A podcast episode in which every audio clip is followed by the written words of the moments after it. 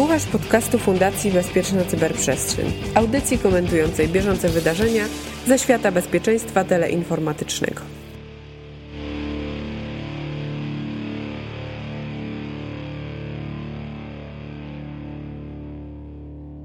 Łukasz Jachowicz i Mirek Maj, a także cała Fundacja Bezpieczna Cyberprzestrzeń zapraszają na 78. odcinek podcastu CyberCyber. Cyber. Listopad, szary, bury i ponury. Może by go tak trochę rozświetlić, na przykład promieniami lasera?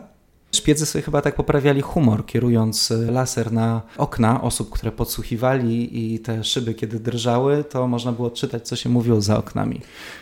Trochę się przeraziłem, jak zaproponowałeś ten temat, bo sobie uświadomiłem, że żeby jakieś gafy nie popełnić, to trochę trzeba wrócić do podręczników z fizyki i, i sobie z teorią fal się przeprosić, tak, i sobie przypomnieć, co jak działa i, te, I, i z mechatroniki, tak dalej, i z mechatroniki i jeszcze pewnie z paru, z paru rzeczy, ale to właściwie też mi uświadomiło, że ten e, przykład, bardzo ciekawy, tak, bardzo ciekawy przykład, można obejrzeć sobie E, takie proof of concept e, w postaci krótkich filmów, które przygotowali specjaliści e, zdaje się z dwóch uczelni, tak, bo tam jest University of Electrocommunications z Japonii i University of Michigan ze Stanów Zjednoczonych, jak to wykonują, no, to mnie utwierdziło w tym, że na szczęście nie mówimy tutaj chyba o masowym zagrożeniu, tylko mówimy o, o, o takim ciekawym przykładzie, jak można właśnie tym, tą wiązką elektromagnetyczną, tak, no bo tutaj mam, mówimy o świetle, y, z,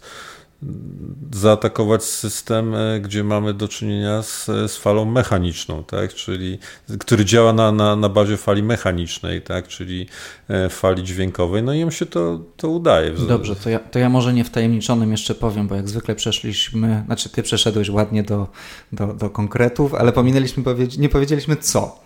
Yy, naukowcy opracowali bardzo ciekawy proof of concept, yy, gdzie za pomocą wiązki lasera yy, odpowiednio modulowanej, skierowanej w kierunku urządzenia, które ma mikrofon.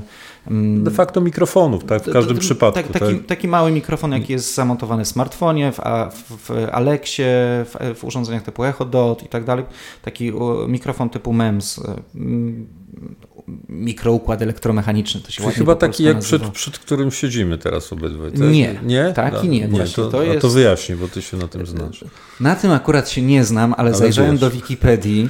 I to jest, e, generalnie chodzi o to, że to są jakieś takie wyjątkowo miniaturowe mikrofony Aha. i tak dalej. No w każdym razie okazało się, że te mikrofony reagują na światło lasera tak samo jak na każdy inny dźwięk i można skierować z daleka maksymalny dystans, na który przeprowadzono testy, nie próbowano na większy, więc nie wiemy, czy na większy się da, to było 365 stóp, czyli 100, 100, 110 metrów. metrów. Tak. I z tej odległości y, również przez szybę y, researcher mógł wydać polecenie Aleksie bo to akurat tam na Alexa skierowano wiązkę, skierowano wiązkę za pomocą tam z daleka, pięknie to wyglądało, Alexa pięknie odpowiadała, e, czy Google Home, e, pięknie te urządzenia odpowiadały na polecenia zadane z dużej odległości. I to jest w sumie dosyć ciekawy kierunek ataku, bo coraz częściej mamy takie urządzenia w domach, zwłaszcza w krajach anglojęzycznych, e, i coraz częściej korzystamy z nich nie tylko do tego, żeby sobie sprawdzić, jaka jest pogoda, ale mamy na przykład podpiętą aplikację bankową pod to. I coraz częściej mamy Możemy też ludzi, drzwi od domu otworzyć. I coraz częściej mamy ludzi, którzy chodzą z, z laserem, z driverem do laseru, z, no, z amplifilter. No tak, ale słuchaj, ten laser I jeszcze, prostu... jeszcze z teleobiektywem, bo te ataki z największej odległości były wykorzystywane, e, no tak. się robione z wykorzystaniem tele, no, teleobiektywu żeby optycznego, żeby, żeby trafić. E, no, ale, a... Więc musimy się zacząć bać. Tak? Ale z drugiej strony patrz, sterownik do lasera to jest jakieś 750 dolarów. Taki... Nie, tam, tam wszystko chyba z 400 dolarów ten, ten zestaw. Ten, ten laserek był tak, wykorzystany no. taki dosyć prosty i niedrogi za, dolarów, za kilkanaście tak, czy kilkadziesiąt dolarów i w sumie ten to zestaw... nie jest odległość, gdzie tam trzeba by było. Więc tak podejrzewam, że jeżeli częstsze będzie wykorzystanie, nie wiem, Google Open My Door, mhm. żeby otworzyć sobie drzwi, to podejrzewam, że włamywacze mogą zacząć korzystać z tego typu urządzeń. Rozwiązanie?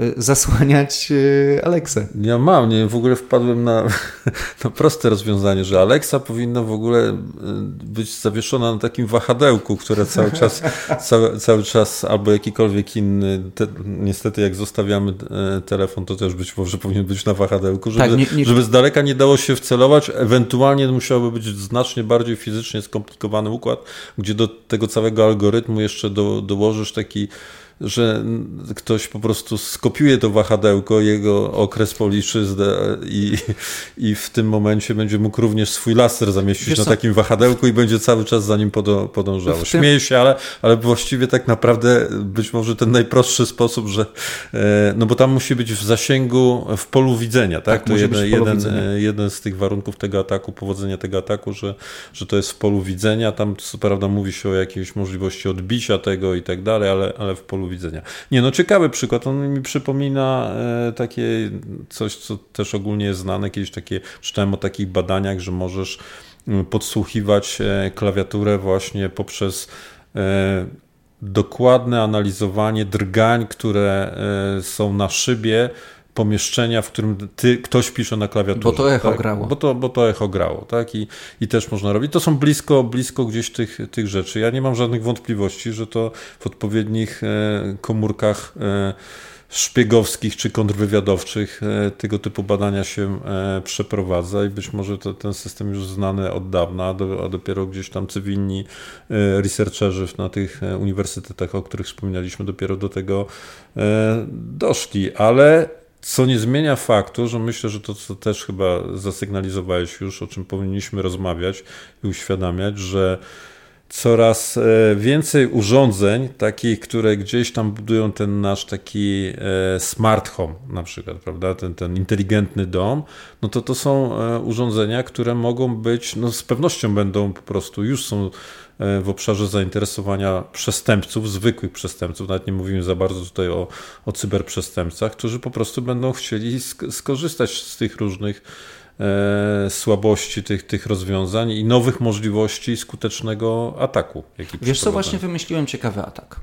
Jeżeli ktoś słucha nas na zestawie stereo i ma na przykład smart home, to my mu powiedzmy Alexa, turn off the light i i zobaczmy, no, czy ktoś napisze do nas, no że tak, zgasiliśmy ja, ja cały czas liczę na to, że nie, nie, nie powiesz to, co dotyczy iOS-a, bo mój telefon tutaj le, le, leży i za chwilę może się e, okazać, że też zacznie w tym uczyć. Ja nawet wpadłem na taki, na taki konkurs, mówię, to weźmy następnego pod, następny podcast, nagramy z mikrofonem, który postawimy na parapecie tutaj na, e, na Solcu w siedzibie fundacji. Może ktoś e, będzie w stanie za, dołożyć życzenia związką laserową do, do naszego podcastu, to fundujemy specjalną nagrodę. Jak będą chętni do takiego ataku, to my wtedy zorganizujemy to e, w oknie, będzie podcast w oknie. Był na SCS-ie, teraz będzie podcast w oknie. E, z udziałem na, na publiczności. z udziałem publiczności i wiązek laserowych, które będą uczestniczyły też e, w nagraniu. Rozumiem. Dobra, skoro jesteśmy przy inteligentnych asystentach głosowych, znasz ataki typu SQL Injection? Tak, no jedne z, z tradycyjnych, tradycyjne, z długą stare, brodą. dobre. Znamy je od kilkunastu co najmniej lat, y, a twórcy internetowych aplikacji ciągle się na nie łapią i ciągle te, te błędy występują. A tu się okazuje, że y, Tal Melamed zaprezentował nowe podejście do ataków typu SQL Injection, bo kiedy twórcy aplikacji internetowych teoretycznie już powinni sobie zdawać sprawę, że można zrobić takie, takie, takie injection yy, i powinni ich unikać, to twórcy aplikacji yy, do, do właśnie asystentów głosowych niekoniecznie mogą o tym myśleć. I yy, Tal napisał taką aplikację, która za pomocą właśnie Alexy symulowała bank, sięgała bezpośrednio do bazy typu SQL i na początku i, i, podawała aktualny stan, stan, konta. Więc generalnie aplikacja działała tak, że hej Alexa, podaj mi mój stan konta, zidentyfikuj się, login admin, a jakie masz secret code 1234 i jeżeli było podane właściwa para login hasło, to balans był e, wy, wy, wypowiadany. I w momencie, kiedy Tal powiedział e, zamiast hasło powiedział e, jako hasło podał 1234 or true, to aplikacja również e, podała aktualny stan konta. Teraz, bo true, tak? Bo true, bo zawsze true. Więc w sumie to jest dosyć ciekawe, czy twórcy aplikacji e, obsługiwanych głosem pamiętają, że, że w sumie tak też można przekazać jakieś polecenie do bazy danych. No bo po prostu tutaj e, no znowu mikrofon, no bo mówimy tak. o mikrofonie jakimś, staje się tutaj tym, co normalnie, czym normalnie jest klawiatura, jeśli dobrze rozumiem ten, ten atak. Dlatego z mojego punktu widzenia, jak, jak się zapoznawałem z tym atakiem, no to jest ten atak SQL Injection, który może być przeprowadzony z wykorzystaniem mikrofonu, już niezależnie jaki, jakiego typu to jest e, mikrofon, ale tak naprawdę znowuż mamy tutaj do czynienia z problemem takim, że no ja bym postawił takie pytanie, czy twórcy tego oprogramowania no, no w ogóle dobrze go zbadali i tak dalej z punktu widzenia ataku SQL injection. Nieważne, bo przecież to może być w różny sposób podawane. Tak? To oczywiście ten interfejs tutaj głosowy w tym momencie jest kluczowy, ale to pokazuje to, że w ogóle w aplikacji, tak, w kodzie jest błąd. Każde dane, tak. które pochodzą od użytkownika powinny być no weryfikowane no niezależnie tak, od no, tego, jak Dokładnie, bo być może oni rzeczywiście tutaj, jak rozumiem, podnosisz ten wątek, że jakby mamy nowy interfejs kontaktu z użytkownikiem Więc i wtedy, o i tym, wtedy tak, i przestajemy o tym myśleć, no ale przypominamy sobie SQL Injection na wideoradary, tak, Właśnie. tak, prawda? Rozmawialiśmy jest, na SCS tak, rok temu o tym. To jest, e, to jest następ, e, następny sposób. Są różne meto, metody dotarcia e, do, do tego i, i no tyle znowuż chyba ważne. Akurat bym powiedział, że tutaj z punktu widzenia realnego, nieraz używam tego stwierdzenia, masowego zagrożenia, to jest znacznie niebezpieczniejsze. Dlatego, że sądzę, że już w tej chwili dosyć dużo się prowadzi nawet już nie badań, tylko, tylko wchodzą implementacje rozwiązań głosowych, tak, one na przykład dla osób, dla osób niepełnosprawnych mogą być pomocne e, i też w, takiej właśnie na przykład w identyfikacji, tak, w uwierzytelnianiu użytkowników e, przez, e, przez telefon na przykład w najróżniejszy sposób, które no tutaj ten przykład pokazuje, że absolutnie no, trzeba brać pod uwagę przy już implementacji na przykład kodu, tak, rozwią rozwiązania, bo to może być normalny sposób e, ataku, czyli znowu wracamy do sta starych rzeczy z lat 90., gdzie freakingiem po prostu też poprzez pikanie w tamtym czasie tak, do, doprowadzaliśmy do tego, że coś się działo. Mogliśmy być za darmo połączeni Dokładnie. do czegoś, albo gdzieś tam e, zainicjować coś udając modem. Tak? Ach. Skoro już wokół tego... Westchnąłeś to. Westchnąłem, bo Ale... tak sobie pomyślałem, że chyba trochę się dzisiaj strasznie... Mm, czy ja, ja generalnie lubię te asystenty głosowe, znaczy inaczej. Chętnie pozbawiłbym jej ich każdej funkcjonalności z wyjątkiem odtwarzania muzyki, bo to jest naprawdę strasznie wygodne, kiedy sobie włączasz głosem muzykę.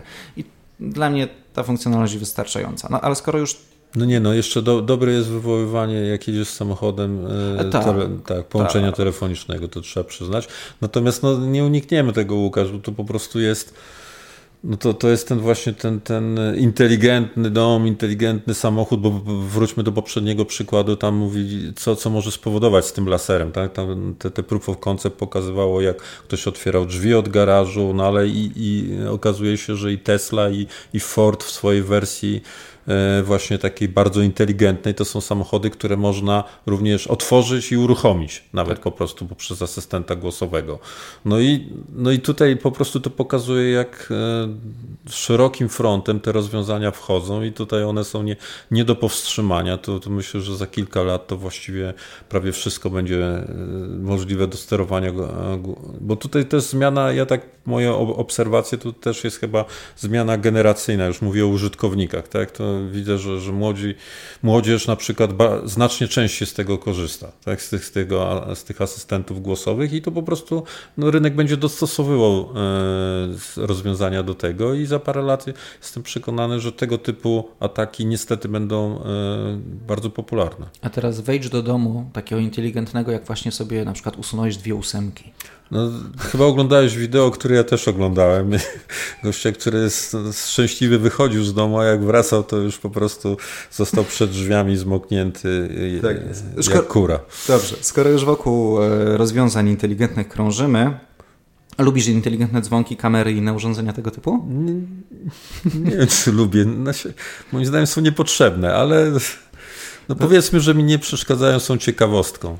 Okay. Ale domu bym że tak powiem, jeszcze musielibyśmy jakby tutaj E, zrobić jakieś rozdzielenie. No bo tam domofon to powiedzmy sobie ok, tak? Ale na przykład tak jak było, znowuż wracam do pierwszego przykładu, otwieranie drzwi, tak? Mój główny zamek, to ja bym tutaj na dzień dzisiejszy zaufania nie, odpowiedniego poziomu nie mam, żeby e, się na to zdecydował. Znaczy, generalna zasada, jak tak patrzę, jest, e, wszyscy radzą, żeby nie kupować tych najtańszych rozwiązań, bo one nie są badane przed, pod kątem bezpieczeństwa, tylko sobie wziąć coś, jeżeli już musimy, e, uznanego producenta. No i sobie jest taki Amazon Ring Video Doorbell, takiej mało znanej firmy e, produkt, e, nie wiem czy słyszałeś. O firmie czy o domofonie? No, no więc okazało się, że przy parowaniu, kiedy go podłączasz, po raz pierwszy konfigurujesz, Mm, wszystkie hasła do Twojego Wi-Fi, do którego on się musi podpiąć, wysyła sobie czystym tekstem, bez jakiegokolwiek szyfrowania. Y, I jest y, w ogóle idea bardzo, no to już zostało właśnie teraz załatane, my o tym wiemy, bo, bo, bo było to tak zwane e, responsible disclosure, Zostało to ujawnione dopiero kiedy dzwonek został załatany, ale generalnie problem polegał na tym, że znowu mamy urządzenie IoT y, zrobionego przez, zrobione przez uznanego producenta, którego programiści zapomnieli, że istnieje szyfrowanie i dane typu hasło do Wi-Fi raczej warto by przesyłać po szyfrowanym łączu. Dla mnie najlepszą wiadomością z tego, co mówisz, to pół żartem, pół serio, jest to, że to jest uznanego producenta. Powiem Ci dlaczego. Dlatego, że ja liczę, że wreszcie po prostu nastąpi taki, taki przypadek, w którym coś złego absolutnie nie człowiekowi, ale dobra, niech mu, niech mu ukradną, komuś tam ukradną jakieś rzeczy, tak się stanie. I ta osoba poprzez zebranie dowodu elektronicznego, bo ktoś mu w tym pomoże, po prostu oskarży producenta takiego IoT, bo tu kolejny przypadek IoT, o to, że poprzez niezachowanie, no myślę, że, że jesteśmy dzisiaj w stanie udowodnić, e, że no przesyłanie w ten sposób hasła, no to to jest absolutnie poza jakimkolwiek standardem bezpieczeństwa i nie ma takiej możliwości, żeby taka firma jak Amazon po prostu o tym nie wiedziała. Po prostu nie ma takiej, nie ma takiej możliwości. Jeżeli do tego dopuściła, to znaczy, że jest e, winna i powinna e, ponieść konsekwencje jakiegoś złego zdarzenia. Czyli krótko mówiąc, jakby kłania się sprawa, która od kilku lat jest poruszana w, wraz ze wzrostem popularności IoT, że tutaj to jest rynek, który jest pierwszy w mojej ocenie w kolejce do regulacji, jeżeli chodzi o standardy bezpieczeństwa, bo tutaj jakby powszechność, popularność, ciekawość użycia tych, tych rozwiązań IoT sprawia, że A jednocześnie długi no, później mamy takie miraje, tak? Później tak. mamy takie miraje, czyli, czyli setki tysięcy albo miliony przyjętych, przyjętych urządzeń w bardzo, bardzo prosty. Później mamy takie sytuacje, że no, to już kuriozum kompletne, że, że sprzedawane są na rynku rozwiązania, w którym już nie mówię, że są defaultowe hasła, że nie ma haseł, że jest sytuacja, w której ty, jako właściciel tego urządzenia, nie możesz zmienić tego defaultowego hasła, bo i takie przypadki są. Czyli dochodzi do, do absolutnie e, niedopuszczalnych rzeczy z punktu widzenia bezpieczeństwa i to jest po prostu branża, mówię o IoT jako, jako jakiejś subbranży, która jest do regulacji, do wprowadzenia pewnych standardów. Zdaje się, że takie rzeczy się dzieją. Ja, ja nawet ostatnio jakoś nie sprawdzałem. Tak, no, Kalifornia, ale, ale gdzieś tam jakieś rozmowy europejskie były, ale tutaj jesteśmy po prostu e, no jeszcze, jeszcze, e, jeszcze, jeszcze brakuje tych rozwiązań, a powinny być jak najszybciej wprowadzone, bo znowuż będziemy po prostu mieli, mieli duże kłopoty.